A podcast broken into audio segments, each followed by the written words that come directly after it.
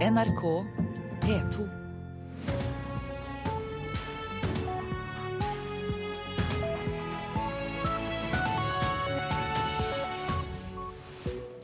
Fredag 29. august klokka 6.30 er dette overskriften i Nyhetsmorgen.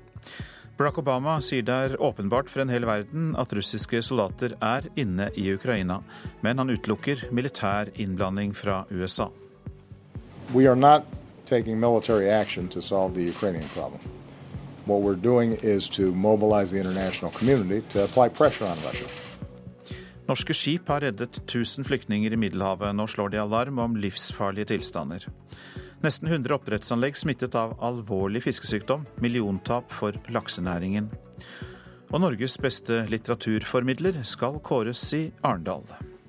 Og vi, vi satser på at vi skal fylle Arendal kulturhus med tilhørere, sånn som vi klarte sist. Prosjektleder Jan Kløvstad. Russland innrømmer at russere deltar i kampene øst i Ukraina, men sier at de er frivillige styrker, ikke russiske soldater. Det kom fram under et krisemøte i FNs sikkerhetsråd i går. Utenriksmedarbeider Tom Christiansen, hvordan forklarte Russland satellittbildene som vi har sett av russiske styrker inne i Øst-Ukraina? Ja, det, det Russlands FN-ambassadør sa på møtet i Sikkerhetsrådet, var at det er mange russere som i sin tid har gått over til eh, Ukraina og støtter separatistene. Og det har ingen forsøkt å skjule, som han sa. De eneste russiske soldater som er inne, er de ti som ble tatt, og som hadde gått seg vill. Ambassadøren advarte da USA også om ikke å blande seg inn i indre forhold i suverene stater. Og den russiske EU-ambassadøren i Brussel sa da samtidig at det ikke forelå et eneste bevis på russisk russisk innblanding. Men ingen av dem kommenterte altså de bildene som nå foreligger. Sikkerhetsrådet trakk ingen konklusjon i natt, men det skal ha vært en opphetet stemning? Ja, det var USAs eh, FN-ambassadør som eh, dirret av sinne, og som ropte over bordet eh, stopp løgnene, snakk sant, skjønner dere ikke at masken har falt? og viste til disse ugjenkallelige bevisene. Og eh, FN-ambassadøren sa at Russland manipulerer for å dekke over hva de driver med, nemlig bevisst først å støtte, og så aktivt delta og kjempe side om side med lovløse separatister. Og den britiske FN-ambassadøren la fram eh, materiale fra Nato som viser at 1000 eh, russiske soldater eh, skal være inne i Ukraina. Vi hørte jo eh, Barack Obama innledningsvis her. USAs president har lagt et tungt ansvar på Russland for krigen i Ukraina. Hva mer sa han?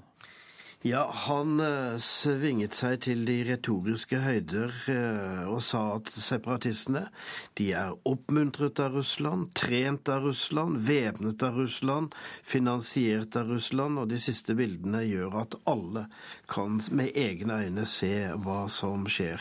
Men han sa også dette er ikke et hjemmelaget opprør, men militære aktiviteter, for Russland er dypt involvert.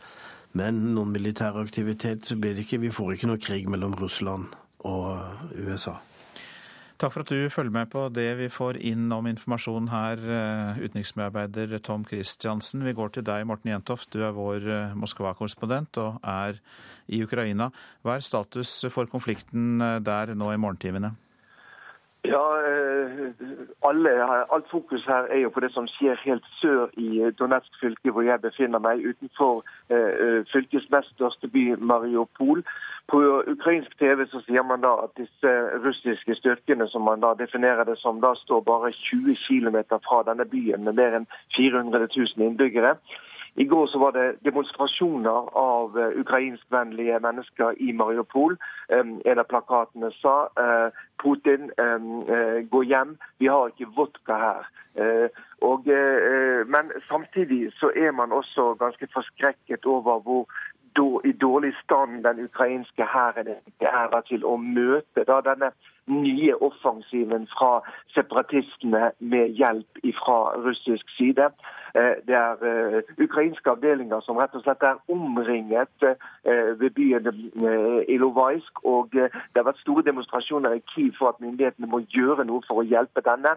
Og Nyheten her på morgensiden i dag er jo at Vladimir Putin med, med, med sans for propaganda har sagt at de ukrainske separatistene må åpne en korridor, slik at da disse omringede ukrainske styrkene kan få komme ut.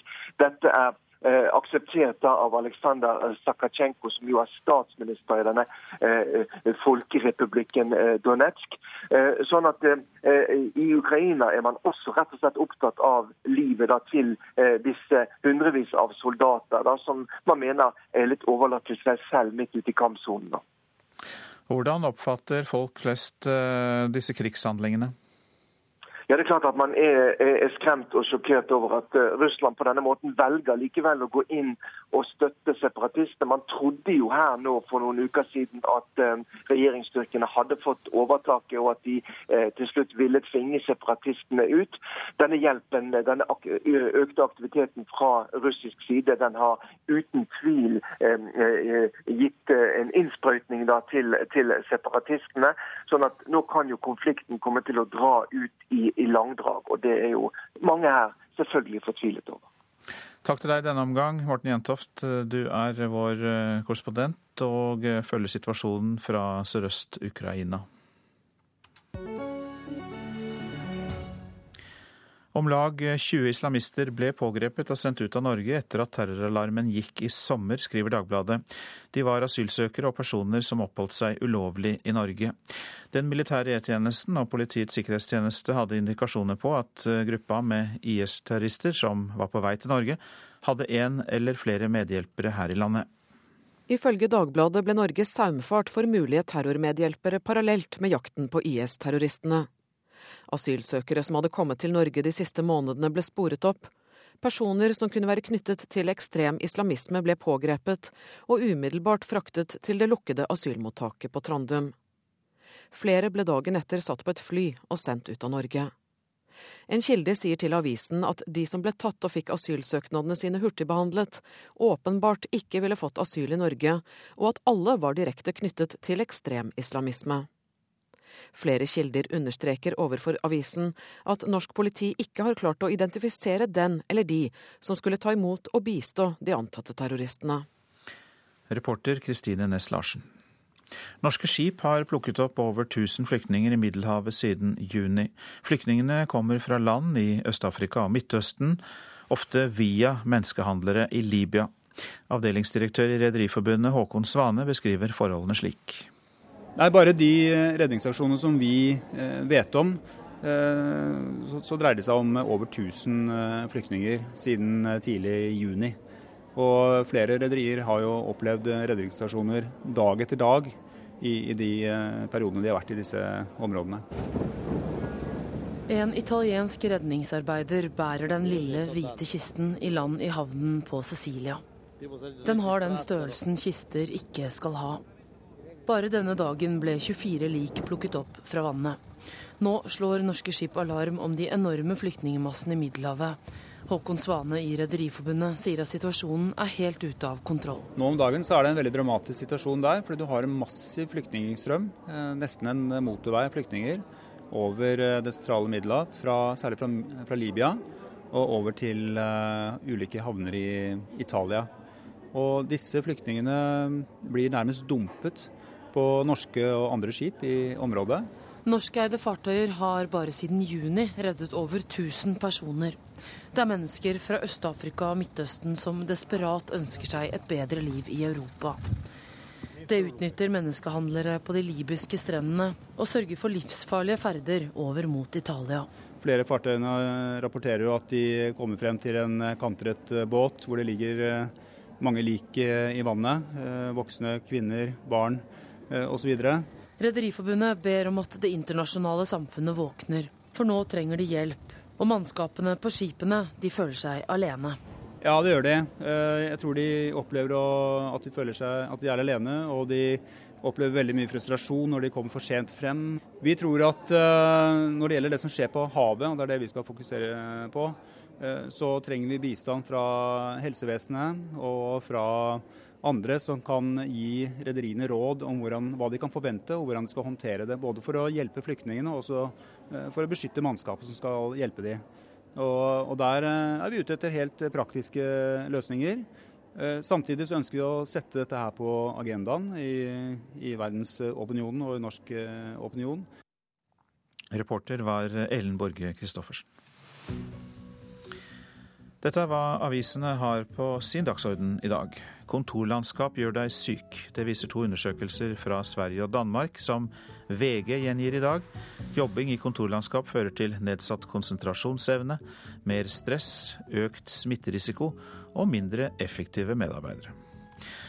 Når barnet roper om hjelp og ikke blir hørt, må det få konsekvenser. Det sier Ragnhild Gjerstad til Aftenposten. Hun mistet sitt barnebarn Kristoffer etter mishandling og ønsker å ansvarliggjøre dem som svikter barna i skoler og barnehager, som ikke gir dem hjelp selv om det blir varslet om grov mishandling. Politisk storm på Rjukan kan vi lese om i Nasjonen. Regjeringens planer om å legge ned sykehuset har ført til at Fremskrittspartiet og Kristelig Folkeparti er ribbet for representanter i kommunestyret, og Høyre-lederen er gått til Senterpartiet. Moderate muslimer blir ikke trodd, er oppslaget i Vårt Land. De blir beskyldt for å skjule sitt sanne islamske jeg. Men det kan føre til at de blir fundamentalister, at de gir opp og blir akseptert av storsamfunnet, sier forsker til avisa. Moskeene har gjort en god jobb mot radikalisering, sier Oslo-politiet til Klassekampen. Politioverbetjent Erik Andersen sier Islamsk råd er i dialog med ekstreme grupper og gjør en god jobb. Tre unge millionærer er avbildet eh, på forsiden i Dagens Næringsliv. De norske gründerne fant opp mobilspillet Fundrun med små, søte tegneseriedyr, og tjente i fjor 23 millioner kroner.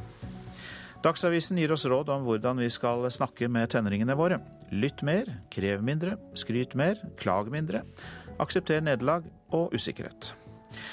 Må ta igjen det tapte, skriver Adresseavisen. Elever i videregående kan tape opptil 30 timer i uka pga. lærerstreiken, og det er så mye at opplæringssjefen i Trøndelag varsler at det kan bli aktuelt med ekstraundervisning når streiken er over.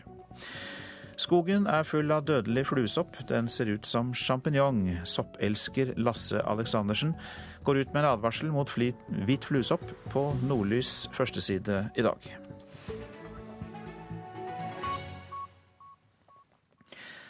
Nærmere 100 oppdrettsanlegg eh, har fått alvorlig fiskesykdom.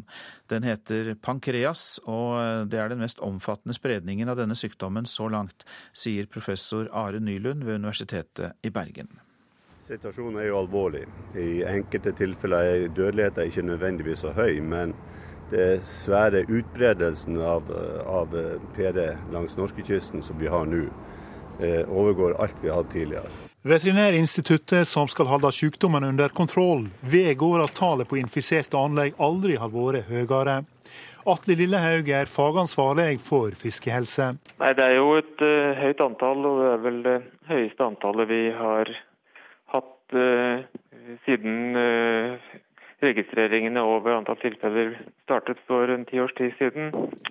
44 anlegg i Hordaland var smitta ved utgangen av juli. 97 anlegg i hele landet. Det er omtrent dobbelt så mange smitta anlegg som i fjor, da det var et nokså normalt år. Temperaturen har stor betydning. Og vi tror vel det har hatt betydning for at eh, vi har fått så mange tilfeller i år. Sykdommen er veldig alvorlig, ikke bare pga. dødelighet og tap, men også pga. Eh, slaktekvaliteten på fileten. Sykdommen gjør at fisken slutter å ete, og senere dør etter to-tre uker. Den enorme utbredninga gjør at målet om å utrydde viruset trolig er umulig. Ja, man må i hvert fall nå lære seg å leve med sykdommen. Eh, vi mener vel at det, er, eh, at det bør vurderes å gjennomføre tiltak først og fremst i områder der sykdommen er mindre utbredt. Laksenæringa kommer nå til å tape enorme summer på sykdommen, som gjør at laksefiletene blir mindre delikate. Sannsynligvis mer enn titalls millioner. Jeg tror vi nærmer oss 100 millioner sannsynligvis, og kanskje mer enn det òg. Reporter Steinar Nedkvitne. Klokka den går mot 6.45. Eh, Dette er hovedsaker. Det er åpenbart for en hel verden at russiske styrker er inne i Ukraina, sier president Barack Obama men han utelukker militær innblanding fra USA. Norske skip har reddet 1000 flyktninger i Middelhavet. Nå slår de alarm om livsfarlige tilstander. Og som vi nettopp hørte, nesten 100 oppdrettsanlegg smittet av alvorlig fiskesykdom. Milliontap for laksenæringen. I eh, Alta i Finnmark har en skole i ti år hatt samme arbeidstidsordning som KS vil innføre for hele Norge. Det er eh, erfaringer fra slike skoler vi bygger våre krav på for å få en bedre skole, sier leder for KS i Finnmark, Kristina Hansen. Jeg syns faktisk at det er litt merkelig at det streikes på det. Det KS-lederen i Finnmark synes er merkelig, er altså at Sandfallet ungdomsskole i Alta er ramma av lærerstreiken. For her har man i elleve år hatt en fast arbeidstid for lærerne fra klokka 08 til 15.30 fire dager i uka og til klokka 14 på fredag. KS sitt krav om lignende arbeidstidsordninger er kjernen i en strid som har lamma Skole-Norge. Det er veldig mange skoler som allerede praktiserer det som arbeidsgiver nå eh, ønsker inn i avtaleverket. Eh, og, og, og, det er basert på kunnskapen fra, fra sånne skoler at man ønsker det. Man ser at det blir bedre skole. Men Sandfallets rektor Knut Ingar Olsen mener KS gjør en fundamental feil når de vil styre arbeidstida via sentrale direktiver. Han mener KS helt siden de overtok arbeidsgiveransvaret for lærerne for ti år siden, har unnlatt å bygge den tilliten som er fundamentet for at arbeidstidsordninga fungerer utmerket på Sandfallet. Vi har utstrakt tillit mellom leder og kollegium, og det opplever jeg det er trøbbelet med det som gjelder med KS. De har liksom ikke gehør. Vi vet åssen ting skal være. Sånn skal det være. Og da møter du ikke den store flotte faglige kompetansen som ligger her, på den riktige måten. Reporter her, det var Rolf Jacobsen. Og lærerstreiken er tema i Politisk kvarter om en knapp time. Vi skal høre at presset øker for å få slutt på konflikten. Nå er smertegrensen nådd, sier ordfører. Men her i Nyhetsmorgen nå, snus uten nikotin. For eh, den skaper nemlig hodebry for videregående skoler på Sørlandet. Nye nasjonale regler forbyr jo bruk av tobakk på skolene nå, men gråsonene skaper trøbbel, sier fungerende rektor ved Sam Eide videregående skole i Arendal, Nils Inge Øyna. Elevene er ikke dumme, så de forlanger et ordentlig svar, og det ønsker vi å kunne gi dem. Men det er ikke alltid like lett, innrømmer rektoren, som ber Helsedirektoratet om hjelp til å klargjøre hva som kan puttes under leppa. Vi har stilt et spørsmål om nikotinfri snus, noe som er en nyhet på markedet, skjønner jeg. Og vi aner vel at våre elever kanskje kan synes det er morsomt å bruke det. og kanskje protestere på vår håndtering av forbudet. De kan jo fylle boksene med vanlig snus, og da burde du heller bare kutte alt. For mange kommer til å gjøre det. Altså, jeg ser ikke helt vitsen med å prøve å ha snus uten nikotin. For eh, de kommer jo bare til å prøve å bytte om, som hun sa. Så jeg tror ikke det kommer til å hjelpe så veldig. Er det sånn at når et uh et regelverk byr, byr på litt gråsoner, at elevene er flinke til å presse de grensene litt. Ja, og utnytte de grensene. Mm. Mener elever vi snakket med på Aust-Agders største videregående skole. Rektoren håper klare svar fører til at elever ikke tøyer regelstrikken. Vi ønsker å være så godt forberedt som overhodet mulig. Vi ønsker å ha vårt på det tørre når vi skal svare elevene på en konkret måte. Hvis eh, elever nå kommer og spør om de kan bruke eh, snus uten nikotin, hva svarer du da? Mitt uh, utgangspunkt nå det er at jeg sier nei. Altså, Jeg vil ha en enhetlig håndtering av tobakksskadeloven. Og da kommer jeg til det motsatte bevist iallfall, og sier nei til tobakk eller nikotinfri snus. Tror du du får medhold hos eh, direktoratet? Ja, det tror jeg faktisk. Jeg, jeg, regner nesten med at de er interessert i det samme. altså Dette her er jo en folkehelsesak. og jeg, jeg, tror at det er bare en ting som ikke har vært tenkt på, kanskje. Har det vært gjort en for dårlig jobb i, i, i forarbeidet før, eh, før skjerpingen av loven? Nei, det tror jeg ikke. Men uh, her kommer mange nye produkter hele tida. Og det er klart, uh, her står vel noen som skal selge noe, og en kommersiell industri bak og litt forskjellig. Så det er nok bare sånn det er. En ting er elevene her. Uh, vil svaret fra direktoratet også være veiledende for, for lærerne ved skolen? Ja, det er det. Altså her skal alle behandles likt. Så lærere og elever har det samme lovverket å forholde seg til. Og Helsedirektoratet svarer at de ennå ikke har gitt noe klart svar på dette. Reporter Håvard Raustøl. For eh, over tre år siden forsvant den norske journalisten og forfatteren Moheb al-Nawati i Syria. Ingen vet med sikkerhet hva som har skjedd med han, men mye tyder på at han ble arrestert. Familien hans i Stange i Hedmark gir ikke opp håpet om at han skal bli løslatt. Den første dag når vi har kommet til Norge, i Gardermoen. Vi ser på et familiebilde fra en lykkelig høstdag i 2008. 6. oktober. Den palestinske journalisten og forfatteren Mohib al-Nawati med politisk asyl i Norge fikk endelig familien sin hit. Men lykken for familien på sju ble ikke langvarig. I 2011 forsvant Mohib på et jobboppdrag i Syria. 5. januar, ca. omtrent klokka seks siste melding hans. Mm. Ja. Barna tenker masse. Jeg gjorde masse ting for ikke tenke barna. Men eh, vanskelig. Mye vanskelig. Mohib al-Nawati var journalist i Gaza og en sterk kritiker av Israels okkupasjon. Tre ganger satt han i israelsk fengsel. Han var òg nysgjerrig på Hamas sin framvekst og skrev bok om organisasjonens indre liv. I 2006 var han en av flere palestinere som fikk politisk asyl i Norge etter at Hamas kom til makten. Hamas likte ikke at han skriver rett. I romjula 2010 reiste han til Syria, antageligvis for å jobbe videre med boka si. Dette var før borgerkrigen i landet, og Hamas hadde sitt politiske hovedkvarter i Damaskus. Noen dager etterpå svarte han ikke lenger på mobilen. Jeg bror ringte telefon for å snakke med han.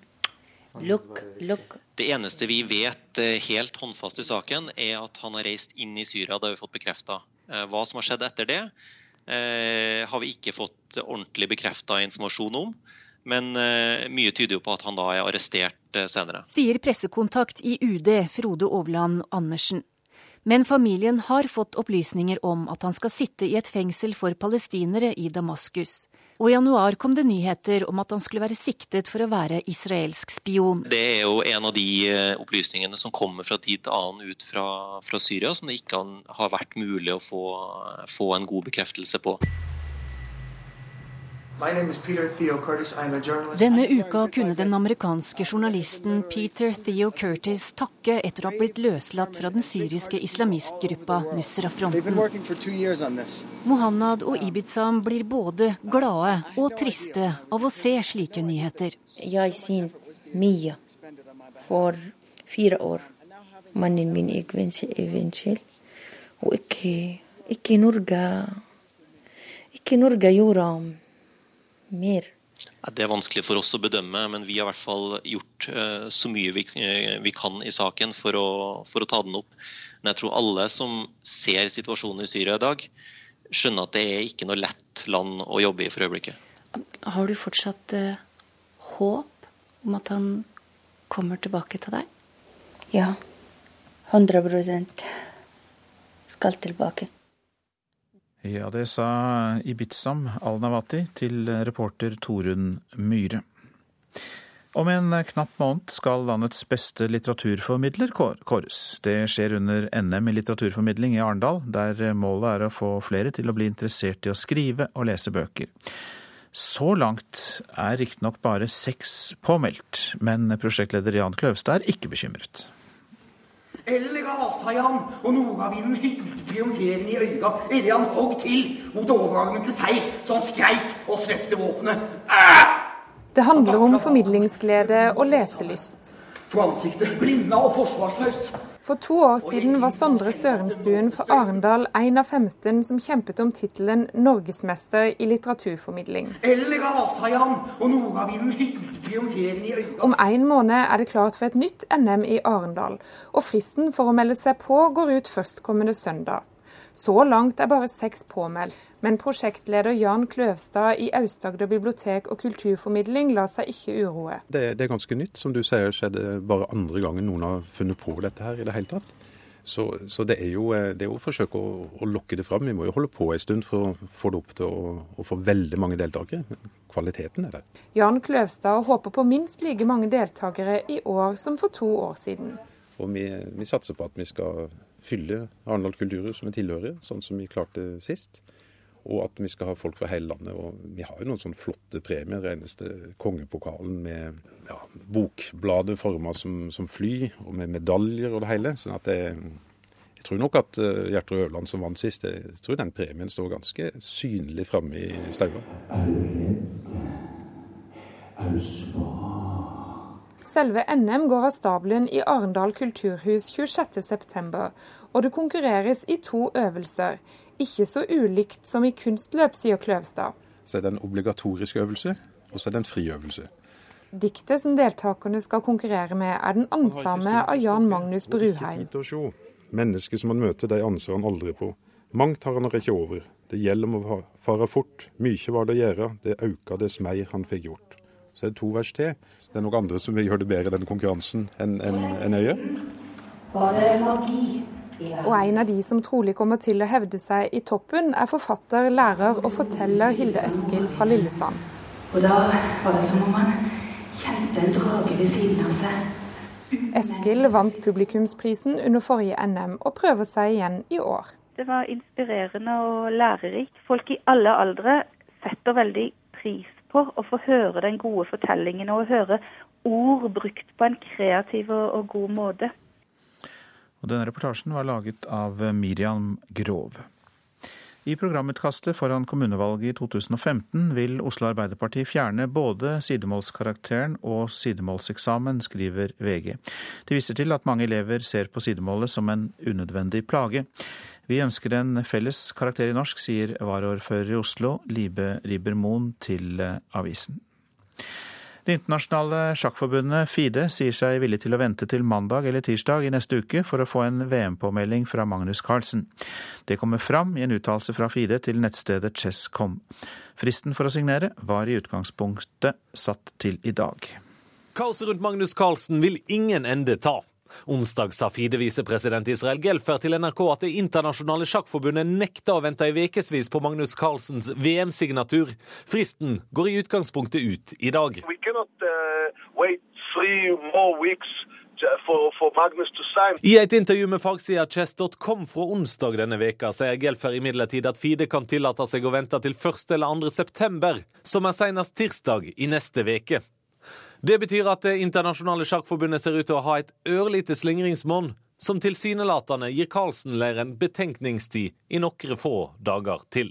Carlsen ba i utgangspunktet om utsetting til midten av september fordi han ikke vil spille VM-kamp i Russland. Dette annet fordi landet er i internasjonal konflikt med Ukraina. Dersom Carlsen ikke signerer VM-kontrakt, vil han bli fråtatt tittelen som verdensmester. Reporter det var Hans Henrik Løken. Så til eh, værvarselet. Langfjella. Fra i formiddag stiv kuling utsatte steder i vestlige områder. Tilskyende fra sør. Seint i ettermiddag regn sør for Finse. Fjell i Sør-Norge unntatt Langfjella. Stort sett pent vær. Østlandet først på dagen pent vær, men lokal morgentåke nær Oslofjorden. Og det blir etter hvert gradvis tilskyende på Østlandet. Telemark får lokal morgentåke. Tilskyende fra vest. I kveld litt regn. Agder liten kuling vest for Mandal. Lokal morgentåke. Regn. I kveld minkende vind og lettere vær i kystområdene. Rogaland og Hordaland først på dagen. Stiv kuling på kysten sør for Obrestad. Perioder med regn først i Rogaland. Sogn og Fjordane lokal morgentåke eller ellers delvis skyet oppholdsvær. Seint i kveld litt regn i ytre Sogn.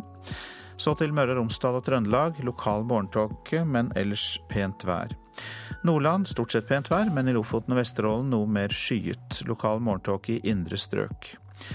Troms først på dagen eh, mulighet for tåkeskyer, periodevis skyet langs kysten, ellers for det meste pent. Finnmark skyet til delvis skyet oppholdsvær, først på dagen mulighet for tåkeskyer. Og Nordensjøland på Spitsbergen spredt regn eller sludd, i kveld opphold. Temperaturer målt klokka fem. Svalbard lufthavn fire. Kirkenes sju. Vardø ni. Alta seks. Tromsø-Langnes fire. Bodø ni. Brønnøysund åtte. Trondheim-Værnes ni. Molde og Bergen-Flesland ti. Stavanger 15. Kristiansand-Kjevik ti. Gardermoen sju grader. Lillehammer åtte. Røros to. Og Oslo-Blindern hadde 13 grader klokka fem.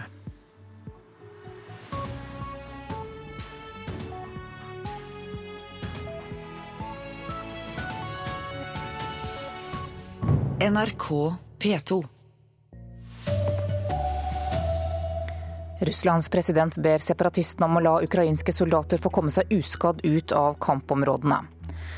Oslo-politiet vil hatkriminaliteten til livs og oppretter en ny innsatsgruppe.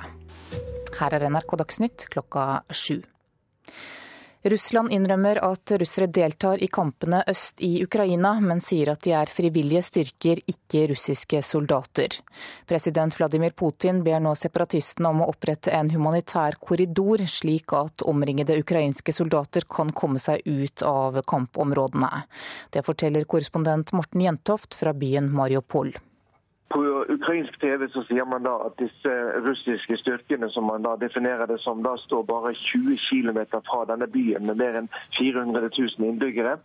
Samtidig så er man også ganske forskrekket over hvor i dårlig stand den ukrainske hæren er til å møte da, denne nye offensiven fra separatistene med hjelp fra russisk side. Eh, det er eh, ukrainske avdelinger som rett og slett er omringet. og Det har vært store demonstrasjoner i Kiev for at myndighetene må gjøre noe for å hjelpe denne. Og Nyheten her på morgensiden i dag er jo at eh, Vladimir Putin har sagt at de ukrainske separatistene må åpne en korridor, slik at da disse omringede ukrainske styrkene kan få komme ut. Rapporterte Morten Jentoft. På mandag starter politiet i Oslo opp en egen gruppe som skal jobbe spesielt mot hatkriminalitet. Dette er et ledd i en stor satsing mot ekstremisme og radikale miljøer i hovedstaden. Josef Fasidik i tankesmien Minotenk mener at det er behov for en slik gruppe. Jeg tror nok en hatkriminalitetsgruppe som jobber spesifikt med dette, vil kunne øke kunnskapen om de forskjellige gruppene, og da gjør det enklere å anmelde, fordi man får følelsen at politiet vet hva man snakker om. Da. Hva er din oppfordring til andre som opplever trusler? Det er bedre å anmelde en gang for mye enn en gang for lite. Det sier politiet også. At hvis man er i tvil om det er riktig å anmelde eller ikke, så bør man gjøre det. Og I hvert fall kontakte politiet og høre. Så, så jeg håper folk anmelder, sånn at det i hvert fall kommer inn i statistikken. Reportere var Linn Marie Hammernes og om lag 20 islamister ble pågrepet og sendt ut av Norge etter at terroralarmen gikk i sommer. Det skriver Dagbladet. De pågrepne var asylsøkere og personer som oppholdt seg ulovlig i Norge, ifølge avisen. Den militære E-tjenesten og Politiets sikkerhetstjeneste hadde indikasjoner på at gruppen som var på vei til Norge hadde én eller flere medhjelpere her i landet. I Skottland øker støtten til skotsk uavhengighet tre uker foran folkeavstemningen, ifølge en måling. I en spørreundersøkelse svarer 47% nå at de vil stemme ja til en løsrivelse fra Storbritannia. NRK Dagsnytt, Anne Jetlund Hansen. Nyhetsmorgen fortsetter med disse sakene. Få syriakrigere vender hjem igjen til Norge. Generalsekretær i Europarådet Torbjørn Jagland kommenterer konflikten i Ukraina her i Nyhetsmorgen. Europaminister Vidar Helgesen angriper Ungarns statsminister, mener at EU ikke forsvarer det liberale samfunnet i Ungarn godt nok. Helgesen kommer hit til Nyhetsmorgen. Det siste halve året har få syriakrigere returnert til Norge. Rundt 20 av de 60 som har reist til Syria er tilbake, men den siste tiden har trafikken hjem nesten stoppet opp, ifølge PST. I sommer sa den danske sikkerhetstjenesten at flere danske jihadister har blitt henrettet fordi de har forsøkt å forlate Syria. Fire menn blir tvunget på kne i en veikant i Irak og skutt av det som skal være medlemmer av IS. Den ekstreme islamistiske gruppa er kjent for sin brutalitet, og vold blir også brukt mot egne medlemmer som vil forlate gruppa. Ifølge det danske sikkerhetspolitiet PET har dansker blitt henretta fordi de har forsøkt å komme seg hjem. PST er ikke kjent med at nordmenn har blitt utsatt for det samme, men seniorrådgiver Siv Alsen sier det er vanskelig å forlate den fryktede gruppa. Eh, vi er kjent med at de som vil reise hjem fra Syria må ha tillatelse fra kommandanten i ISIL. Eh, de må kanskje ha en god grunn, ofte f.eks. sykdom i nærmeste familie, for å få lov til å returnere. I vinter fikk Utenriksdepartementet flere henvendelser fra nordmenn som bønnfalt UD om hjelp til å komme seg ut av Syria. Totalt har rundt 20 nordmenn kommet tilbake til Norge etter å ha vært i landet, men de siste seks månedene har det nesten vært helt stopp. Det er eh, få norske ISIL-terrorister som har kommet hjem i løpet av de seks siste månedene. I sommer sjokkerte terrorgruppa IS en hel verden da de i løpet av noen hektiske dager tok kontroll over store områder og viktige byer i Irak. IS står bak brutale henrettelser og har jagd store menneskemengder på flukt. Ingenting av det her har stoppa norske jihadister fra å ville bli en del av IS. Det har vært eh, flere som har reist ut uh, enn de som har returnert nå i løpet av de siste seks månedene.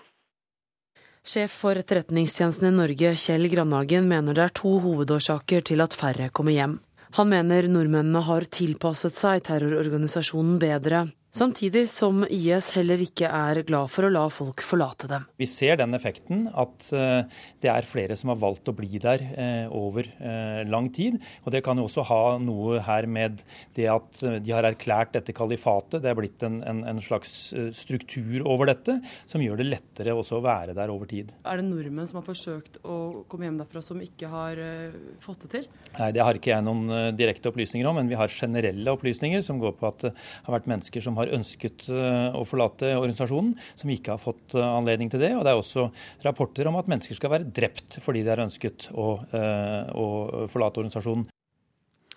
Reportere her, det var Kristine Svendsen og Ellen Borge Christoffersen. Atle Mesøy, du er terroranalytiker. God morgen. God morgen. Ja, Er det også ditt inntrykk at det er vanskeligere for de som har reist til Syria, å reise hjem igjen nå? Det er, eh, det er relativt nytt for meg, eh, må jeg si, at det er så vanskelig å komme tilbake. Eh, men, men, når man ser hvor brutale den gruppen er, så, så, er det for så vidt ikke overraskende at de vil ha mer kontroll på, på krigerne sine. Hvem er disse unge menn og kvinner som da reiser ut for å delta i denne krigen? Det er en god del av de som, som kommer fra litt vanskelige bakgrunner, sosiale bakgrunner. Eh, det er også en del som, eh, som kommer fra eh, som er altså kriminelt belastede. Gjerne småkriminelle. Så har du gruppen med konvertitter, som også da utgjør en, en relativt stor andel. Og så har du eh, da de profesjonelle jihadistene, for å kalle de det, som reiser fra, fra jihadfront til jihadfront. Så, så det, det, er, en svært sammensatt gruppe, da. Mm. Kan du si noe om hva som frister dem i Syria og Irak? Det er nok eh, mye spenningssøken det dreier seg om. Det er å, å, å være i et samfunn eh, som setter premissene for en, en slags ny eh, verdensorden. Og for de som uh, har vært inne i religion på en eller annen måte, så vet de at i religionen så er det, det, er, alt, det er absolutt. Sånn at det dreier seg om en slags kosmisk krig, hvor det er bare én sannhet. Og, og, det kan være besnærende å være med på en, i en sånn gruppe. Hva oppfatter du som risikoen knyttet til at eh, mange ikke kommer tilbake og bare blir der? Det er en, en, risiko på den måten at uh, da blir de uh, stadig bedre trent, og de blir mye mer uh, knyttet til kalifatet, til, til, den staten, um, som, som, da setter premissene for denne nye den nye verdensorden da, som, som de prøver å skape. Dagbladet skriver om en hemmelig terrorrazzia i sommer da 20 islamister og asylsøkere som oppholdt seg ulovlig her, ble pågrepet og sendt ut av landet etter terroralarmen. Hvordan vurderer du risikoen for at eh, det er terrorister blant asylsøkerne? Det er alltid en risiko. Eh, det er klart. Eh, de som nå har reist ut til, eller som har tilsluttet seg ISIS, det er fra, fra omtrent alle land. 80 nasjoner, men det er sikkert mer enn det også. Så det, det store mørketall I og med at vi har altså noen, noen land vil jo ha en, en større prosentandel enn en andre krigere. Eh, og vi i det norske samfunnet har alle nasjoner som bor her. Eh, en del av disse kommer fra konfliktsoner, og vi må bare det, det, vi må regne med at, at det, det, finnes uh, slike personer i, i, det norske samfunnet. Takk skal du ha, terroranalytiker Atle Mesøy. Førstkommende mandag starter politiet i Oslo eh, opp med en egen gruppe som skal jobbe spesielt rettet mot hatkriminalitet. Det er ledd i en større satsing mot ekstremisme og radikale miljøer i eh, hovedstaden. Josef Asidik i Minotenk mener eh, det er behov for en slik gruppe. Sist gang så var det snakk om en som skulle kutte hodet av meg og bruke det som fotball. Tre ganger har Josef Asidik i den minoritetspolitiske tenketanken Minotenk gått til politiet etter å ha blitt truet. Og det har vært da drapstrusler, så, så det er ganske alvorlige trusler. Og nå håper politiet i Oslo at flere gjør som ham. For på Manglerud politistasjon opprettes det nå en egen gruppe som kun skal jobbe med såkalt hatkriminalitet, forteller stasjonssjef Janne Stømner. Denne gruppen skal eh, i første omgang eh, etterforske og iretteføre sakene. Videre så skal de drive opplæring for andre ansatte i Oslo politidistrikt. Hvor utbredt er hatkriminalitet? I 2013 så hadde vi 55 saker som går under kategorien. Men her antar vi at det er mye mørketall. Og det kan være mange som har vært utsatt for det, som kanskje ikke tenker og reflekterer over det. Noen ønsker ikke å anmelde. Og kanskje vi også ikke har vært gode nok på å informere og veilede rundt det. Så hvis vi sammenligner oss med øvrige land Sverige og Danmark som er like, så ser vi at de har mye flere registrerte saker av denne typen. Ifølge Stømner blir folk i hovedsak trakassert pga. etnisitet og seksuell legning. Derfor skal politiet også samarbeide med aktører i spesielt utsatte miljøer. Vi skal ha samarbeid med Rosa kompetanse, vi skal ha samarbeid med LHBT, vi skal ha samarbeid med Likestillingsombudet, ulike religiøse organisasjoner. Ja, Det blir et bredt og, og godt samarbeid. Selv om Manglerud politistasjon får ansvaret for den nye gruppen, skal politiet over hele Oslo jobbe med problemstillingen. Alle i Oslo skal kunne håndtere dette, her, både patruljene våre som er ute, som det allerede er laget et uh, utdanning opplæringsprogram på, og også ved publikumsvaktene. Asidik i Minotenk mener det er på tide at politiet tar hatkriminaliteten på alvor. Jeg tror nok en hatkriminalitetsgruppe som jobber spesifikt med dette, vil kunne øke kunnskap om de forskjellige gruppene, og da gjøre det enklere å anmelde, fordi man får følelsen at politiet vet hva man snakker om. Da. Hva er din oppfordring til andre som opplever trusler? Det er bedre å anmelde en gang for mye enn en gang for lite. Det sier politiet også at hvis man er i tvil om det er riktig å anmelde eller ikke, så bør man gjøre det. Og I hvert fall kontakte politiet og høre. Så, så jeg håper folk anmelder, sånn at det i hvert fall kommer inn i statistikken. Josef Asidik i Minotenk der, til reporter Linn Marie Hammernes. Klokka den er snart 7.13. Dette er hovedsaker i nyhetene. Få syriakrigere vender hjem igjen til eh, Norge. Oslo-politiet setter inn egen gruppe for å bekjempe ekstremisme og radikale miljøer, som vi hørte. Og Russland innrømmer at russere deltar i kampene øst i Ukraina, men sier at de er frivillige styrker, ikke russiske soldater. Og eh, som vi nettopp nevnte, så innrømmer de at det er russere der, men at det ikke er soldater. President Vladimir Putin ber separatistene opprette en humanitær korridor, slik at omringede ukrainske soldater kan slippe ut. En opprørsleder øst i Ukraina har ifølge nyhetsbyrået AFP gått med på å opprette en slik korridor. Og eh, Moskva-korrespondent Morten Jentoft, du er øst i eh, Ukraina. Og eh, oppdater oss på situasjonen der du er nå sørøst i landet.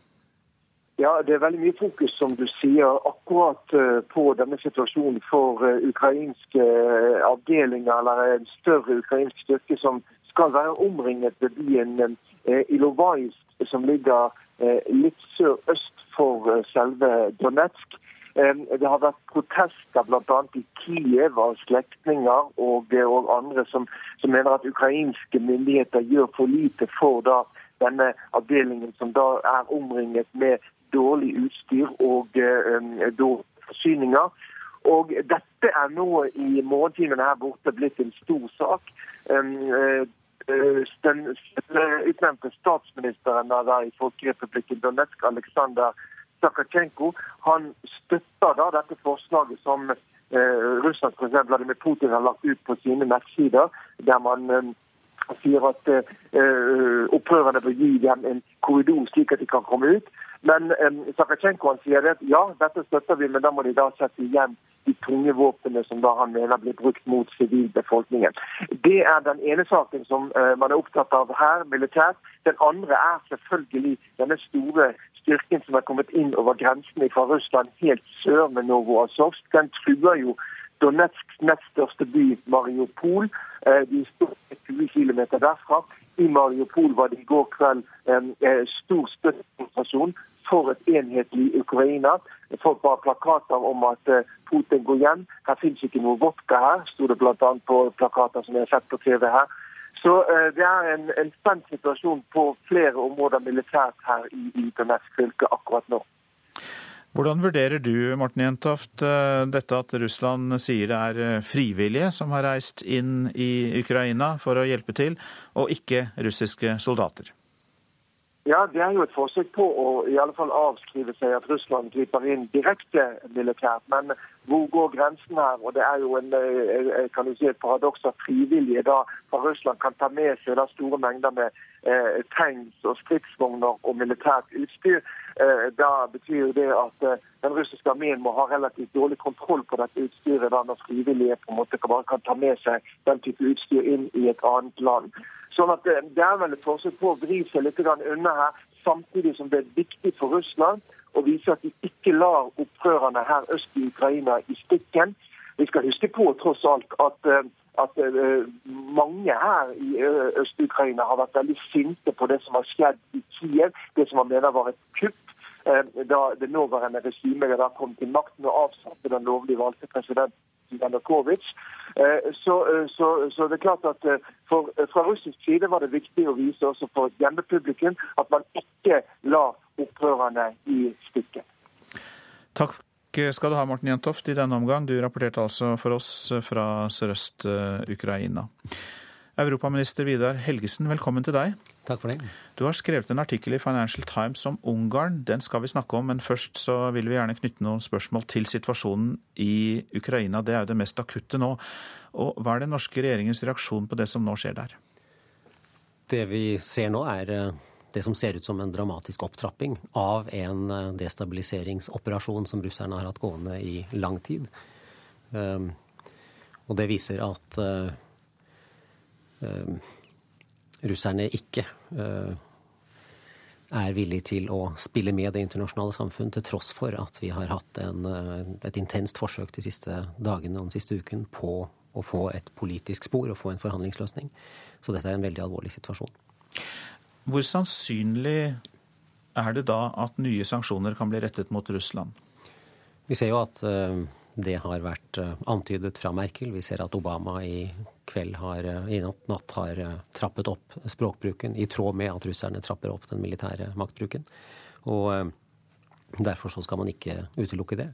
Men først må man jo forsøke å sette mer energi inn på en politisk prosess, men det ser jo ikke lyst ut.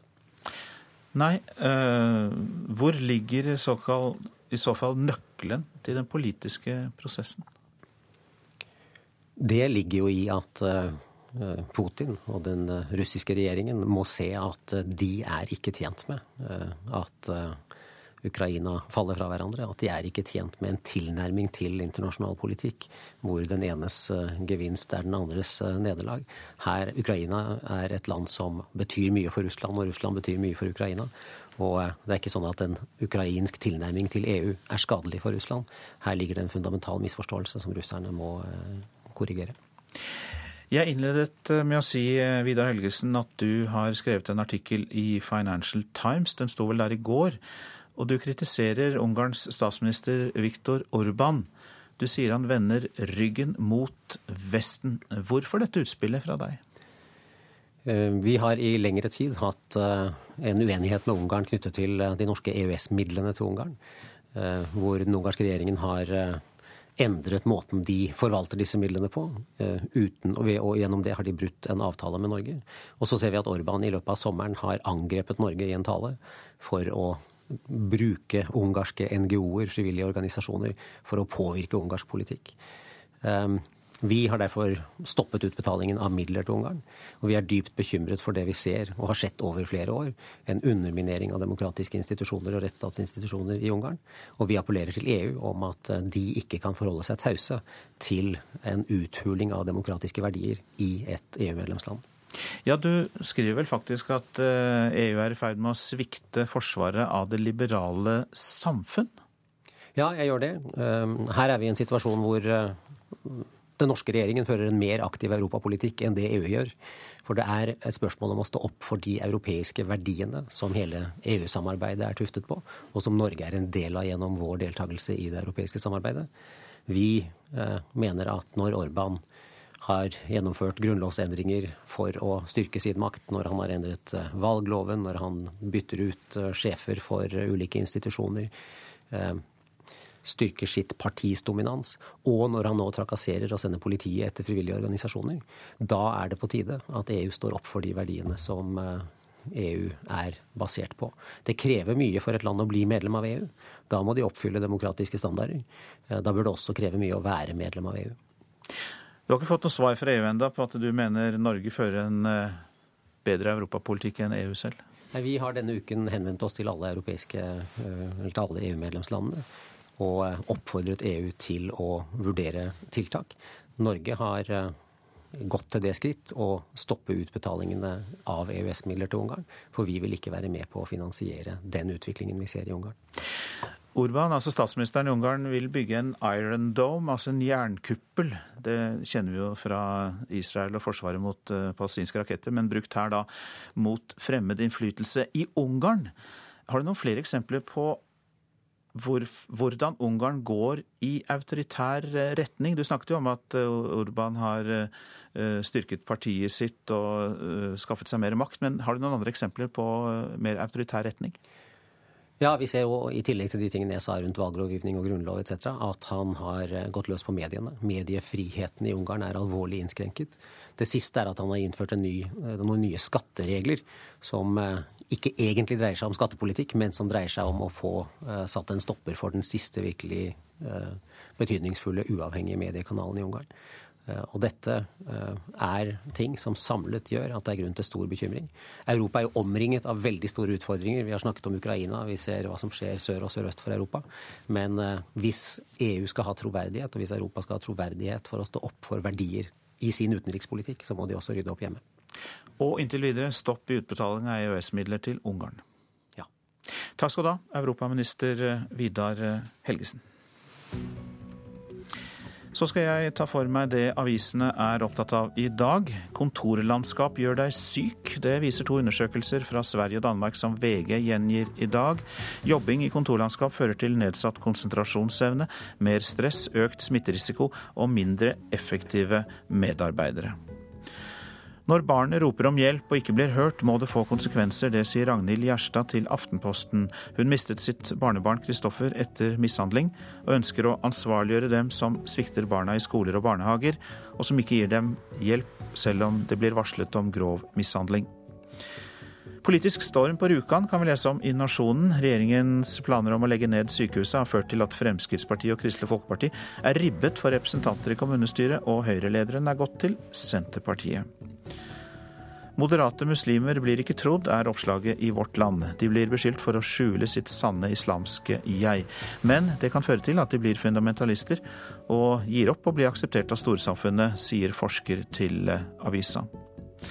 Moskeene har gjort en god jobb mot radikalisering, det sier Oslo-politiet til Klassekampen. Politioverbetjent eh, Eirik Andersen sier Islamsk råd er i dialog med ekstreme grupper og gjør en god jobb. Tre unge millionærer er avbildet i Dagens Næringsliv. De norske gründerne fant opp mobilspillet Funrun med små, søte tegneseriedyr, og så tjente de i fjor 23 millioner kroner på det. Hemmelig terrorrazzia. 20 islamister og asylsøkere som oppholdt seg ulovlig i Norge, ble pågrepet og sendt ut av landet etter at terroralarmen gikk i sommer, skriver Dagbladet. Politiets sikkerhetstjeneste og E-tjenesten hadde indikasjoner på at IS-terrorister som var på vei til Norge, hadde en eller flere medhjelpere her. Dagsavisen gir oss råd om hvordan vi skal snakke med tenåringene våre. Lytt mer, krev mindre, skryt mer, klag mindre, og aksepter nederlag og usikkerhet. Må ta igjen det tapte, skriver Adresseavisen. Elever i videregående kan tape opptil 30 timer i uka pga. lærerstreiken. Og det er så mye at opplæringssjefene i Trøndelag varsler at det kan bli aktuelt med ekstraundervisning når streiken er over.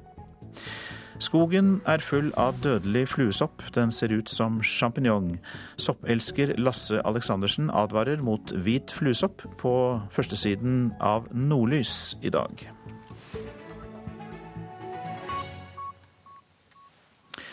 Det blir eh, stadig tøffere å være elev i den videregående skolen. I Buskerud må elever nå kjempe om plassene det siste skoleåret. Nå advarer rektor Kristine Novak ved Drammen videregående skole mot karakterjaget.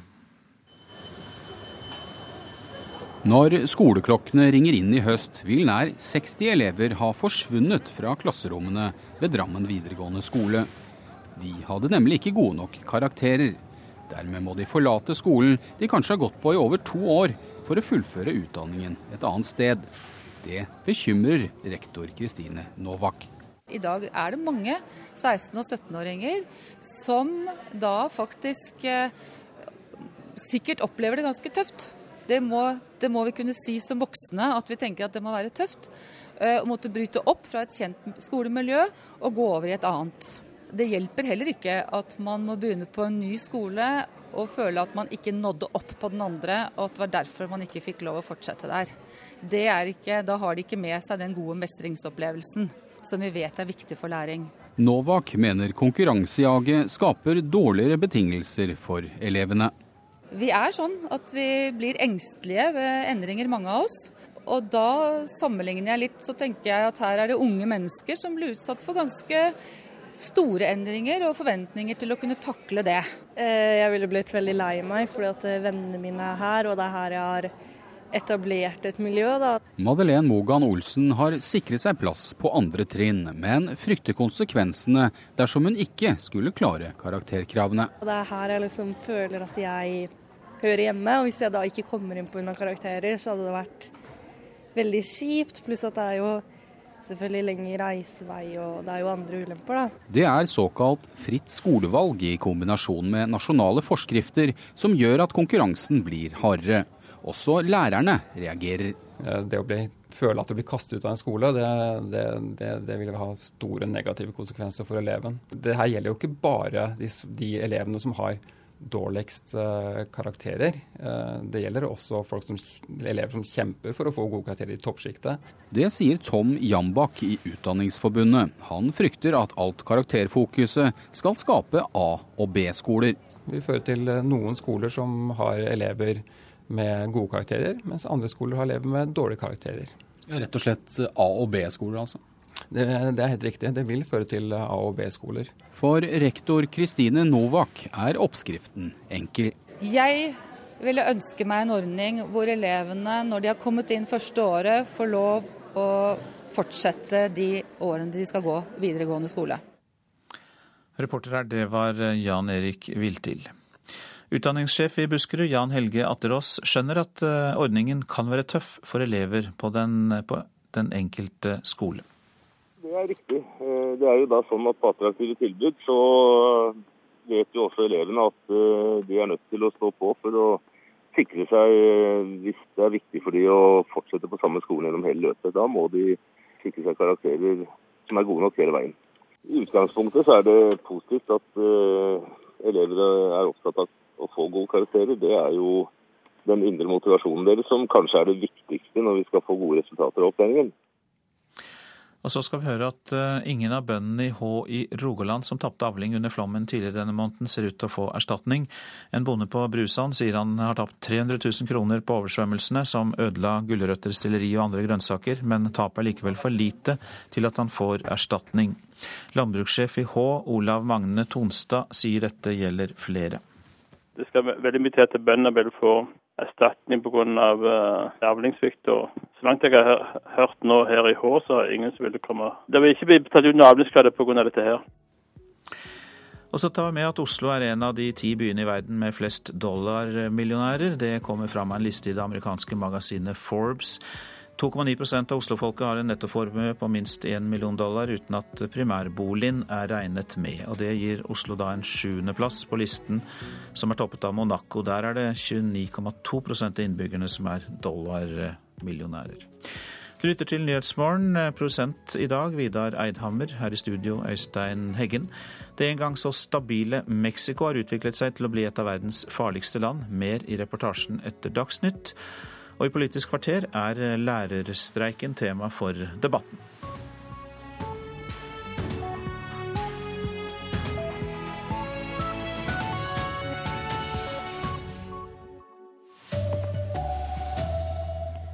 Nesten ingen syriakrigere har kommet tilbake til Norge de siste månedene. Flere dansker er henrettet når de har forsøkt å dra hjem.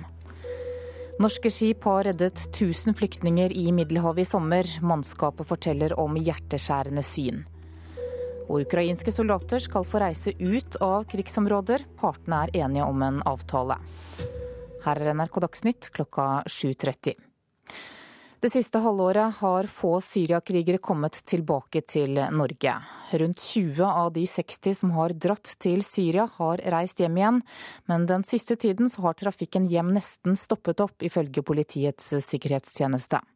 I sommer sa den danske sikkerhetstjenesten at flere danske jihadister har blitt henrettet fordi de har forsøkt å forlate Syria. Fire menn blir tvunget på kne i en veikant i Irak og skutt av det som skal være medlemmer av IS.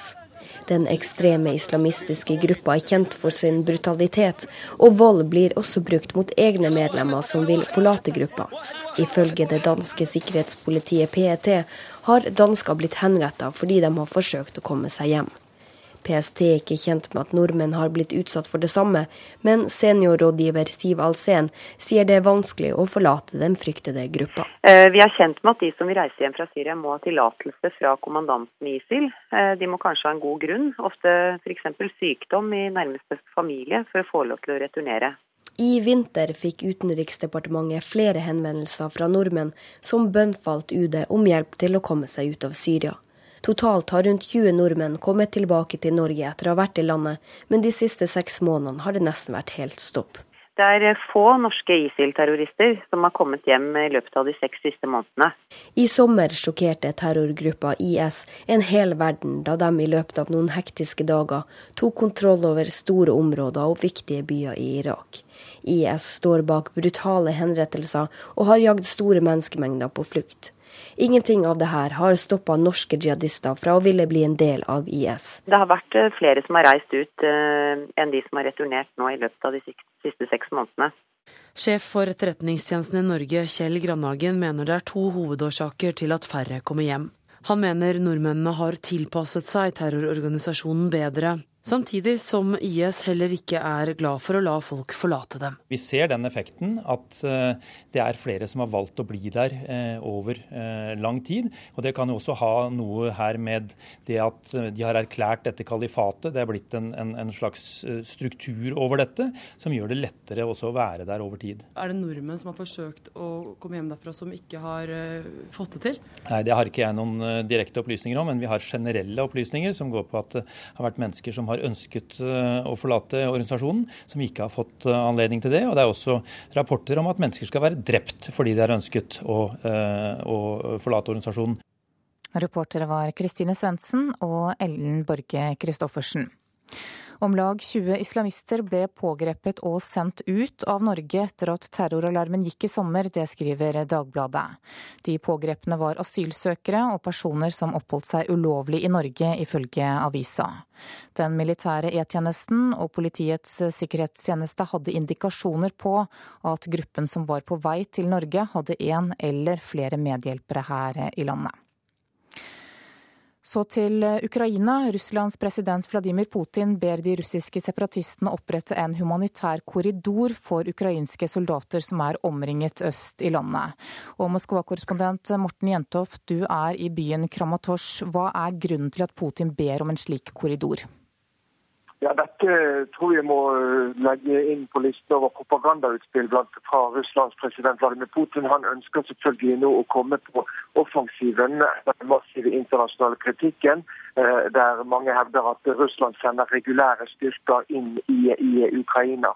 Eh, det er ingen tvil om at det er kommet styrker fra Russland inn i Ukraina. Spørsmålet er om det er regulære russiske styrker, eller om det er som man fra russisk side sier, frivillig, eh, som hjelper da opprørerne inne i, i, i, Ukraina.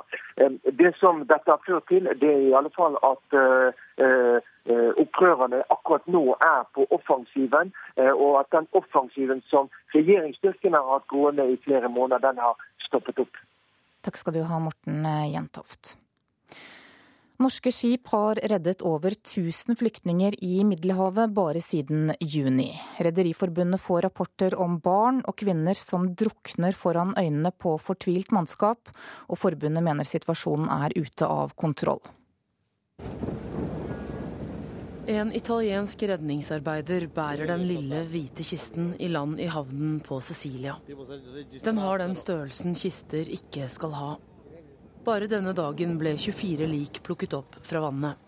Nå slår norske skip alarm om de enorme flyktningmassene i Middelhavet. Håkon Svane i Rederiforbundet sier at situasjonen er helt ute av kontroll. Nå om dagen så er det en veldig dramatisk situasjon der, fordi du har en massiv flyktningstrøm. Eh, nesten en motorvei av flyktninger. Og disse flyktningene blir nærmest dumpet på norske og andre skip i området. Norskeide fartøyer har bare siden juni reddet over 1000 personer. Det er mennesker fra Øst-Afrika og Midtøsten som desperat ønsker seg et bedre liv i Europa. Det utnytter menneskehandlere på de libyske strendene og sørger for livsfarlige ferder over mot Italia. Flere fartøyene rapporterer jo at de kommer frem til en kantret båt hvor det ligger eh, mange lik eh, i vannet. Eh, voksne, kvinner, barn osv. Rederiforbundet ber om at det internasjonale samfunnet våkner, for nå trenger de hjelp. Og mannskapene på skipene de føler seg alene. Nå er det sånne mengder som skal over at vi er nødt til å ta nye grep. Eh, så trenger vi bistand fra helsevesenet og fra andre som kan gi rederiene råd om hvordan, hva de kan forvente og hvordan de skal håndtere det. Både for å hjelpe flyktningene og også eh, for å beskytte mannskapet som skal hjelpe dem. Reporter var Ellen Borge Christoffersen. Det har vært et nytt vulkanutbrudd på Island. Utbruddet fra Bardarbunga er registrert ved isbreen Dynju-Jøkul. Det er ikke registrert noen askesky som følge av utbruddet, men islandske myndigheter har hevet risikovurderingen for flytrafikken til det høyeste nivået. Det har vært stor seismisk aktivitet i området den siste tiden, noe som gjør at eksperter tror at et stort utbrudd kan komme snart. Snus uten nikotin skaper hodebry for videregående skoler på Sørlandet. Skjerpede nasjonale regler sier at ingen får bruke tobakk på skolen. Men gråsonene er trøblete, sier fungerende rektor Nils Inge Øyna ved Sam Eide videregående skole i Arendal. Elevene er ikke dumme, så de forlanger et ordentlig svar, og det ønsker vi å kunne gi dem. Men det er ikke alltid like lett, innrømmer rektoren, som ber Helsedirektoratet om hjelp til å klargjøre hva som kan puttes under leppa. Vi har stilt et spørsmål om nikotinfri snus, noe som er en nyhet på markedet, skjønner jeg. Og vi aner vel at våre elever kanskje kan synes det er morsomt å bruke det. og kanskje protestere på vår håndtering av forbudet. De kan jo fylle boksene med vanlig snus, og da burde du heller bare kutte alt. Eh, de kommer jo bare til å prøve å bytte om, som hun sa. Så jeg tror ikke det kommer til å hjelpe så veldig. Mener elever vi snakket med på Aust-Agders største videregående skole. Rektoren håper klare svar fører til at elever ikke tøyer regelstrikken. Vi ønsker å være så godt forberedt som overhodet mulig. Vi ønsker å ha vårt på det tørre når vi skal svare elevene på en konkret måte. Reporter, det var Håvard Raustøl.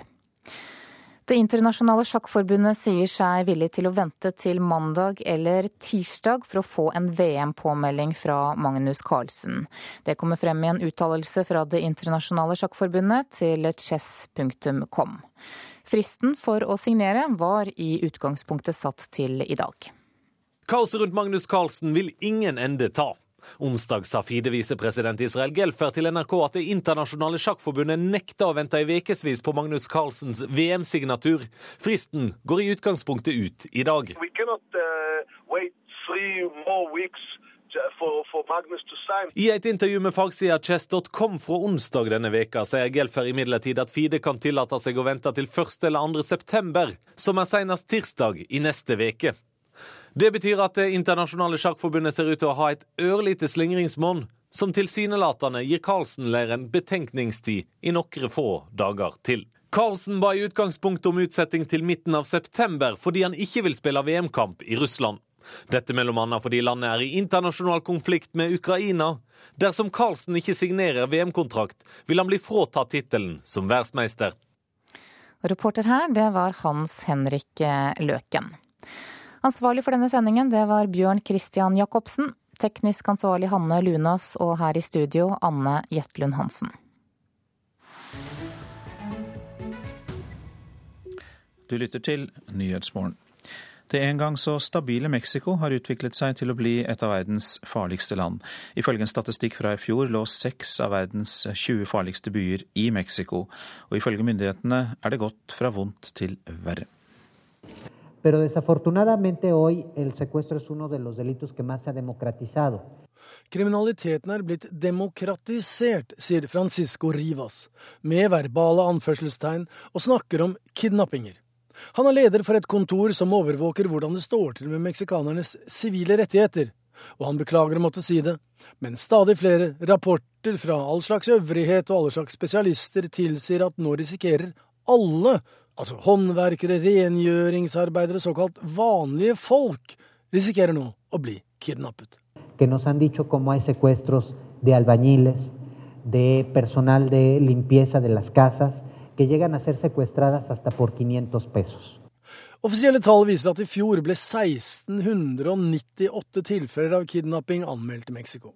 20% mer enn året før, men problemet er at man regner med at 90 aldri blir verken rapportert eller notert. For de billigste kidnappingene ligger løsepengene på 250 kroner, men angsten og frykten er ofte den samme. Og enda verre, sier Rivas med tanke på fremtiden, flertallet av de som står bak disse forferdelige lovbruddene, er under 30 år. parte de las personas que se están dedicando a este terrible delito, la mayor parte de los delincuentes por el delito de secuestro, son menores de 30 años. Rettssikkerheten i Mexico er ikke bare truet, det er særdeles lite rettssikkerhet slik situasjonen nå er, sier Miranda de Valase, som leder organisasjonen Stopp kidnappingene. Hun retter oppmerksomheten mot arrestasjoner og domfellelser, for ofte vet man hvem som står bak det man kaller ekspresskidnappinger. Det finnes ingen forberedelser, ingen plan og ingen skjulesteder. Man griper en tilfeldig person, ringer familien og kjører rundt noen timer, og casher inn det de nærmeste klarte å skrape sammen. Bilnummer og identitet kan være kjent, men de færreste blir dømt, sier De Valasse. Tenemos muy pocas sentencias eh, en relación al, al tema del secuestro. Son muchos los detenidos, pero son pocos los sentenciados. Y eso nos habla de una muy pobre calidad de justicia. Men bildet er en smule mer nyansert, for store deler av Mexico er overraskende trygt, ifølge en rekke rapporter og statistikker. Fra 2006 til 2012 ble mer enn 60 000 mennesker drept i narkorelaterte oppgjør, mellom bander, gjenger og karteller, som kjemper om territorier, transportårer og milliarder. Det rår en drapskultur i disse miljøene, som riktignok har forplantet seg til deler av det meksikanske samfunnet generelt, men de vanligste turiststedene har i stor grad gått fri. Det finnes såkalte karibiske idyller med palmesus, irrgrønt vann og høye drinker, som er mye farligere enn de fleste stedene i Mexico. Og nylig ble Mexico by tatt av listen som USA fraråder sine borgere å besøke. Ikke minst fordi morderaten i så vel Detroit som Philadelphia og Baltimore, Washington med flere er høyere enn i Mexico by. Så om du føler at du kan dra til St. Louis, Oakland eller New Orleans i USA, så kan du trygt besøke Ciudad de Mexico. Så selv om Mye er ille i Mexico, så kunne det vært verre, og det er noen lysglimt i enden av tunnelen. Joar Ho Larsen rapporterte. Dette er Nyhetsmorgen med disse hovedsakene. Nesten ingen syriakrigere har kommet tilbake til Norge de siste månedene. Flere danske jihadister er blitt henrettet fordi de har forsøkt å dra hjem. Norske skip har reddet 1000 flyktninger i Middelhavet i sommer. Rederiforbundet får rapporter om barn og kvinner som drukner foran øynene på fortvilte mannskaper. Russlands president Vladimir Putin ber de russiske separatistene opprette en humanitær korridor for ukrainske soldater som er omringet øst i landet. Det er klart for Politisk kvarter, og det er i dag ved Per Arne Bjerke.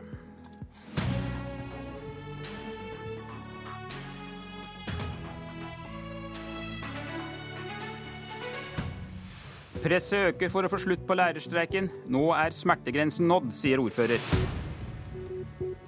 Heller ikke denne uka har partene i leirkonflikten nærmet seg hverandre, og over helgen utvides streiken ytterligere. Ole Jakob eh, Fleten, ordfører for Arbeiderpartiet i Skedsmo, der 3500 elever i grunnskolen og videregående skole er berørt av streiken. Hvor alvorlig vil du si at denne situasjonen nå er? Nei, Nå er den alvorlig. Eh, Skedsmo kommune er uforholdsmessig hardt rammet av denne streiken. Vi er den eneste kommunen i Akershus som er tatt ut. Vi er en stor kommune med mange skoler.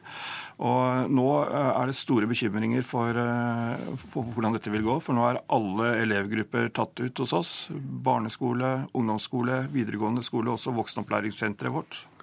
Du sa til meg før sending at i din kommune så samarbeider lærerne og ledelsen bra, og det har ikke vært noen konflikter om arbeidstiden. Er det da noen som helst grunn til at lærerne skal pådyttes en arbeidstidsavtale de absolutt ikke vil ha? Mitt utgangspunkt er jo at vi ser at det å innarbeide en god, god samarbeidskultur med god ledelse med, som, opp, som oppnår gode resultater, det gjør at vår skole er blitt en bra skole. Vi øker resultatene, og vi får også mange nye og veldig flinke lærere lærere som søker seg til Skedsmo kommune. Og På bakgrunn av det så syns jeg det er veldig trist at Skedsmo kommune skal være den kommunen som blir frontet som en kommune i en, vel, som, eh, i en konflikt hvor eh, tingene nå blir satt veldig på spissen. Hva gjør denne konflikten med samarbeidskulturen, frykter du? Ja, Det er jo det jeg frykter, at eh, det resultatene vi har oppnådd nå kan ødelegges. Vi skal gå litt sørover til Kristiansand og varaordfører Jørgen Kristiansen fra Kristelig Folkeparti. I Stavanger så har jo både ordføreren og lederne for flertallspartiene bedt KS om å fire på kravene. Er du enig eller uenig i denne oppfordringen fra Stavanger, Kristiansen?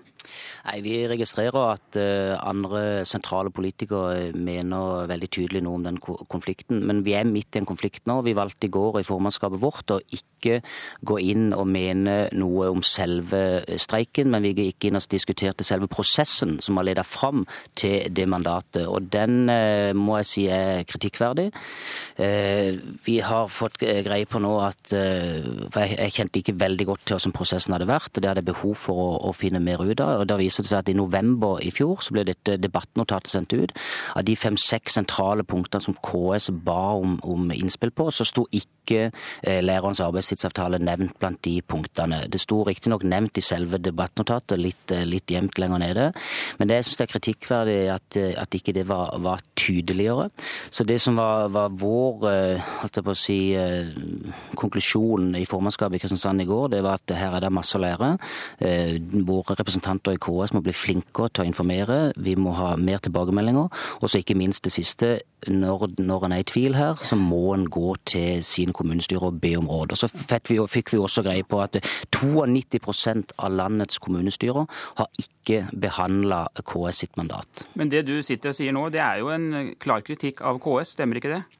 Det er en klar kritikk av prosessen som har ledet fram til mandatet. Men, men, selv, nå er vi som sagt midt i en, midt i en, i en konflikt, så jeg har strukket meg så langt at jeg, registrerer at Stavanger sier at vi kan ikke se at kravet om mer bonden arbeidstid er veien å gå i et slikt perspektiv.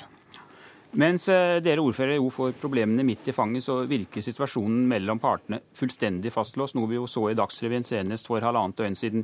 Trine Skei Grande, leder i Venstre, hvor lenge kan dere på Stortinget, som til sjuende og sist har det øverste ansvar for hva slags undervisning vi tilbyr elevene våre, sitte og se på at partene ikke klarer å nærme seg hverandre?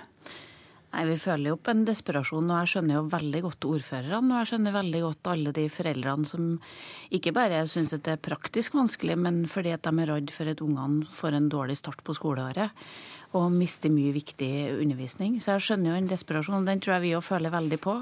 Eh, og jeg merker meg at eh, mine gruppeledere i alt fra Stavanger og Trondheim og flere steder nå Eh, velger å, å, si at de er kritiske til det mandatet KS har gått inn i.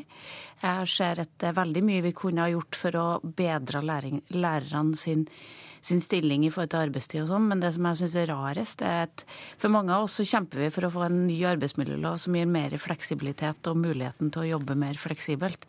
Og så skal vi ha én stor sektor innenfor offentlig sektor som skal jobbe i motsatt retning. Jeg syns at dette blir litt feil. Henrik Asheim, statsrådene er opptatt med budsjettkonferanse, så du skal få lov å forsvare regjeringen her. Du er skolepolitisk talsmann i Høyre. Eh, nå sitter du og hører hva både ordførerne sier og Trine Skei Grande sier. Hva er din vurdering? Er det KS eller er det Undervisningsforbundet som nå sitter med nøkkelen til å få løst denne konflikten? Nei, jeg mener at begge partene sitter med nøkkelen. Altså, jeg tror ikke man løser denne konflikten ved at én part kapitulerer og gir fra seg alt, for det tror jeg ikke kommer til å skje. Jeg tror at begge partene må gi. Men så må jeg også si at når jeg hører på da ordføreren og varaordføreren her, så høres det ut som KS er bare et eller annet vesen der ute som ingen har noe kontroll på. KS er jo kommunenes sentralforbund. Hvis ordføreren i Skedsmo og varaordføreren i Kristiansand mener at KS ikke burde gått i forhandlinger med det de gikk til forhandlinger med, så burde de jo ha stemt imot det forhandlingsutgangspunktet. Altså Det er litt vanskelig både for Trine Skei Grande og meg, eller for statsråden for den saks skyld, å mene veldig mye om hva partene skal mene i en helt lovlig forhandling og konflikt. Men den ene parten må jo kunne mene noe om det. Og når da eh, disse to kommunene sier at eh, det var veldig dumt, så er det slik at det var én kommune av alle KS sine medlemskommuner som stemte imot det mandatet. Alle andre stemte for eller uttalte seg ikke. Og da må man jo kjenne litt på det ansvaret selv også. Vi hører med Skedsmo-ordføreren her, Har du sovet i timen, eller? Nei da, eh, det har jeg ikke. Eh, KS hadde et bredt mandat, det er helt riktig. Og jeg har ikke tatt til orde for at dette mandatet skal endres. Men eh, jeg ser jo at når det er to parter som har fått det ansvaret og kommet til enighet, og de ikke klarer det, så er det min bekymring. Min bekymring er jo at disse partene ikke har klart å komme til enighet. Og det, det er jo jobben deres å gjøre. Så min oppfordring til partene i denne konflikten det er at de må komme til en enighet. Det er det, er det forhandlinger dreier seg om. Eh, Trine Skei Grande? Ja, det, som jeg, det som jeg syns er litt tankevekkende, er at du ser et KS med, med masse ordførere som ikke føler seg innafor det, det, mandatet som er vedtatt, og så ser, kan du sammenligne med noen 200 meter nede i gata, for det ligger Oslo rådhus. Oslo mm. har forhandla direkte med lærerorganisasjonene og fått en enighet, hatt mange mm. færre streiker og bygd opp en tillit mellom arbeidsgiver og arbeidstaker, sånn at man kan prøve ut nye ting. De skal prøve ut nye arbeidstidsordninger, men det gjøres i et tillitsforhold og en respekt mellom partene, og det er det som bekymrer meg mest nå. Mm. At man snakker ned læreryrket gjennom denne streiken, at man uh, gjør det vanskeligere å rekruttere framover til yrket, men at man også gjør det et arbeid... at konstellasjonene på arbeidssida blir så konfliktfylt som det blir. Det blir en dårlig arbeidsplass. Eh, Asheim, denne høsten skulle jo da være Høyres store satsing på lærerne. Er du redd for at eh, dette som skjer nå, gjør at man nå snakker ned eh, læreryrket, i stedet for at man klarer å styrke lærerne, som jo dere gikk til valg på, som jo også er et viktig punkt i regjeringserklæringen? Ja, altså Vi skal jo levere i vårt budsjett som kommer til høsten. Da kommer vi til å vise veldig mye av det vi skal gjøre. Og vi er i gang med å rydde opp i de tidstyvene som har bygget seg opp over veldig mange år, eh, og som er noe av frustrasjonen for lærerne. Så der er vi godt i gang. Men det er klart at for alle oss som er opptatt av å løfte statusen for læreryrket, for alle oss som ønsker å rekruttere enda flere til å bli lærere, så er det en svær streik som dette dette ikke positivt. For det er klart at det vil jo da eh, vise at det er mistillit i skolen. Eh, og Derfor så må man rydde opp i det. Men jeg tror at for de elevene som nå rammes av streik, eller foreldrene, og for så vidt alle oss som må stå og følge litt med fra utsiden, så er det veldig frustrerende å se to parter, hvor du nå har den ene parten, lærerne, som ble anbefalt å stemme for en avtale som de stemte imot. Dermed så gikk det masse prestisje i det. Eh, og så har du KS på den andre siden som står på sine krav, men hvor kommunene stadig mer sier at kravene er ikke deres krav. Og da får du situasjoner hvor de møtes i 20 minutter og kommer ut igjen og er akkurat like røde i ansiktet begge to. Og situasjonen er at 100 000 elever nå er utenfor skolebygningene sine. De får ikke den undervisningen de har krav på. Og da mener jeg altså vi som nasjonale politikere skal gjøre hva vi kan for å rydde i skolehverdagen der vi kan gjøre det. Men nå må partene kjenne på dette ansvaret. Og her sitter to representanter for den ene parten. Vel, da må man jo jenke på de kravene, da, istedenfor å si at nå er smertegrensen nådd. Ja, du bare, skal snart slippe det, Skei men bare spørre deg, Jørgen Kristiansen i Kristiansand. Vil dere ta noe initiativ mer overfor KS for oss å få mer fart i disse forhandlingene, som jo er helt fullstendig fastlåst? Nei, vi kommer ikke til å ta noe mer initiativ enn det vi har gjort nå.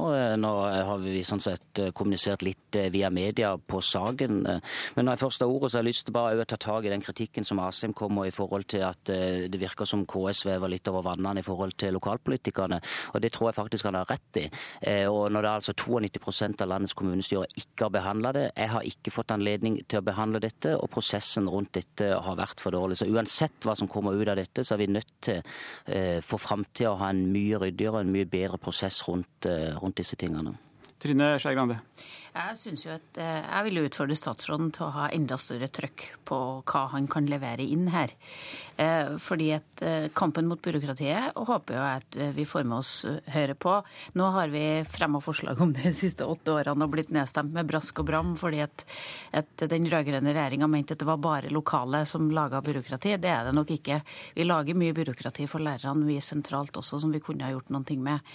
Vi kunne ha gjort noe for for å lage forbedringer for etter- og videreutdanninga, få alle de tiltakene som vi kan gjøre for å øke statusen til læreryrket. Så kanskje kunne vi ha laga en pakke og lagt på bordet og sagt at dette skal vi gjøre for å, for å bedre lærerne sin arbeidshverdag. Og hvis statsråden har lyst til å ha ideer på hva som bør være i den pakken, så stiller jeg gjerne. Altså. Ja, Asheim er ikke statsråd riktig ennå, men du skal få lov å svare for regjeringen og Høyre. Hva er det dere kan gjøre? Vet du hva, Vi er eh, i gang med det. og det er at Man har satt ned nå en gruppe som jobber med å finne de tidstyvene. Og de vi bruker for å finne de tidstyvene, det er de lærerne som sier at de er der. Eh, og det er sånn at Den forrige regjeringen eh, pratet mye om dette, men de gjorde absolutt ingenting. Det sto bom stille. Og Derfor så jobber vi nå med det. Jeg vet at Venstre er veldig utålmodig for å få det til. Det kan jeg si at vi fra Høyre på Stortinget også er. Og Derfor så kommer vi også til å presse på statsråden, men statsråden har absolutt ambisjoner om å få ryddet opp i dette så godt han kan. Fletten. Jeg vil si at det er gjort mye i skolen på grunnplanet. Vi har utarbeida en god samarbeidskultur, vi har utarbeida en god ledelseskultur. Vi jobber stadig vekk med å forbedre resultatene våre. Og vi har stor tillit til foreldre og lærere til hvordan skolen drives i, i, i kommunen. Så det er et, det er, sånn som jeg opplever det, så er det et misforhold mellom hvordan eh, situasjonen blir framstilt, og hvordan eh, vi fra vårt sted opplever skolehverdagen. Og Derfor syns jeg det er ekstra utfordrende og vanskelig når en konflikt kan uh, rett og slett ødelegge det vi har klart å bygge opp i vår kommune. Henrik Asheim. Jo, det, men det er jeg enig i. Jeg tror Ute lokalt tror jeg mye fungerer bra. Men faktum er at hvis du spør lærerne, så oppga de f.eks. i 2011 eller 2012 at de siste fire årene har de opplevd en massiv økning i rapportering, byråkrati, og mye av det kom faktisk fra staten. Derfor så kom det også en tidsbruksutvalg fra den forrige regjeringen, men det ble ikke gjort noe med det. Men dette kan jo dere gjøre noe med. Nå sitter dere med regjeringsmakt, og dere har til og med flertall sammen med Venstre og KrF. Det er akkurat det. Og det er sånn at jeg også kjenner på ikke minst utålmodigheten fra Venstre på dette. Og vi kommer til, på det borgerlige flertallet vi har, til å bruke det til nettopp å rydde opp i det som ikke har blitt gjort noe på. Denne konflikten kommer jo ikke over natten nå. Den har vokst fremover åtte år. Fire lærerstreiker på åtte år. Nå røk strikken, og da er det vi som må rydde opp. Trine Skei Grande, du kan jo da presse på regjeringen. Dere skal i gang med budsjettforhandlingene om en drøy måned. Hvilke konkrete krav vil du nå stille til eh, Asheim og Høyre og Fremskrittspartiet? Vi har sagt at byråkratiet må ned med 25% Vi har laga virkemiddel for å gjøre det. De ble nedstemt i forrige periode. Vi kan godt finne dem fram igjen. Vi må satse på mer etter- og videreutdanning. Vi må satse på alle de tiltakene som kan være med å gjenreise respekten for læreryrket.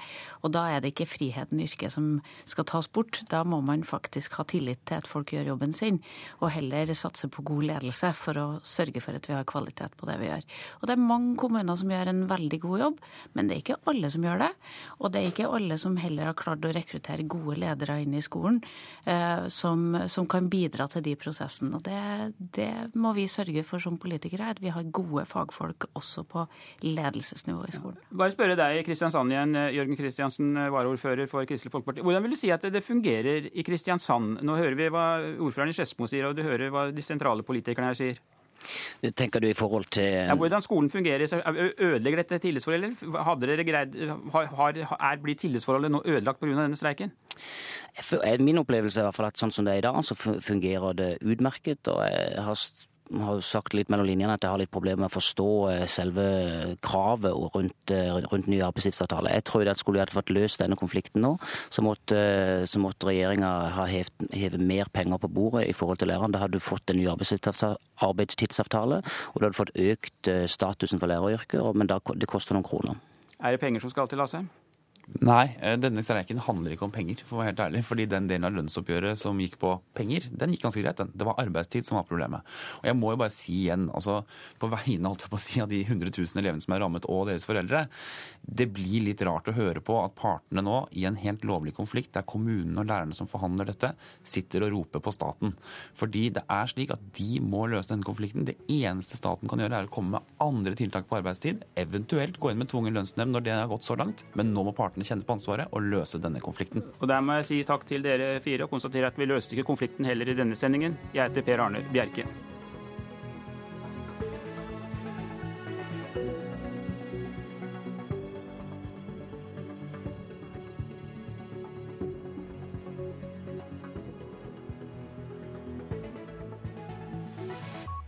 Hør flere podkaster på nrk.no podkast.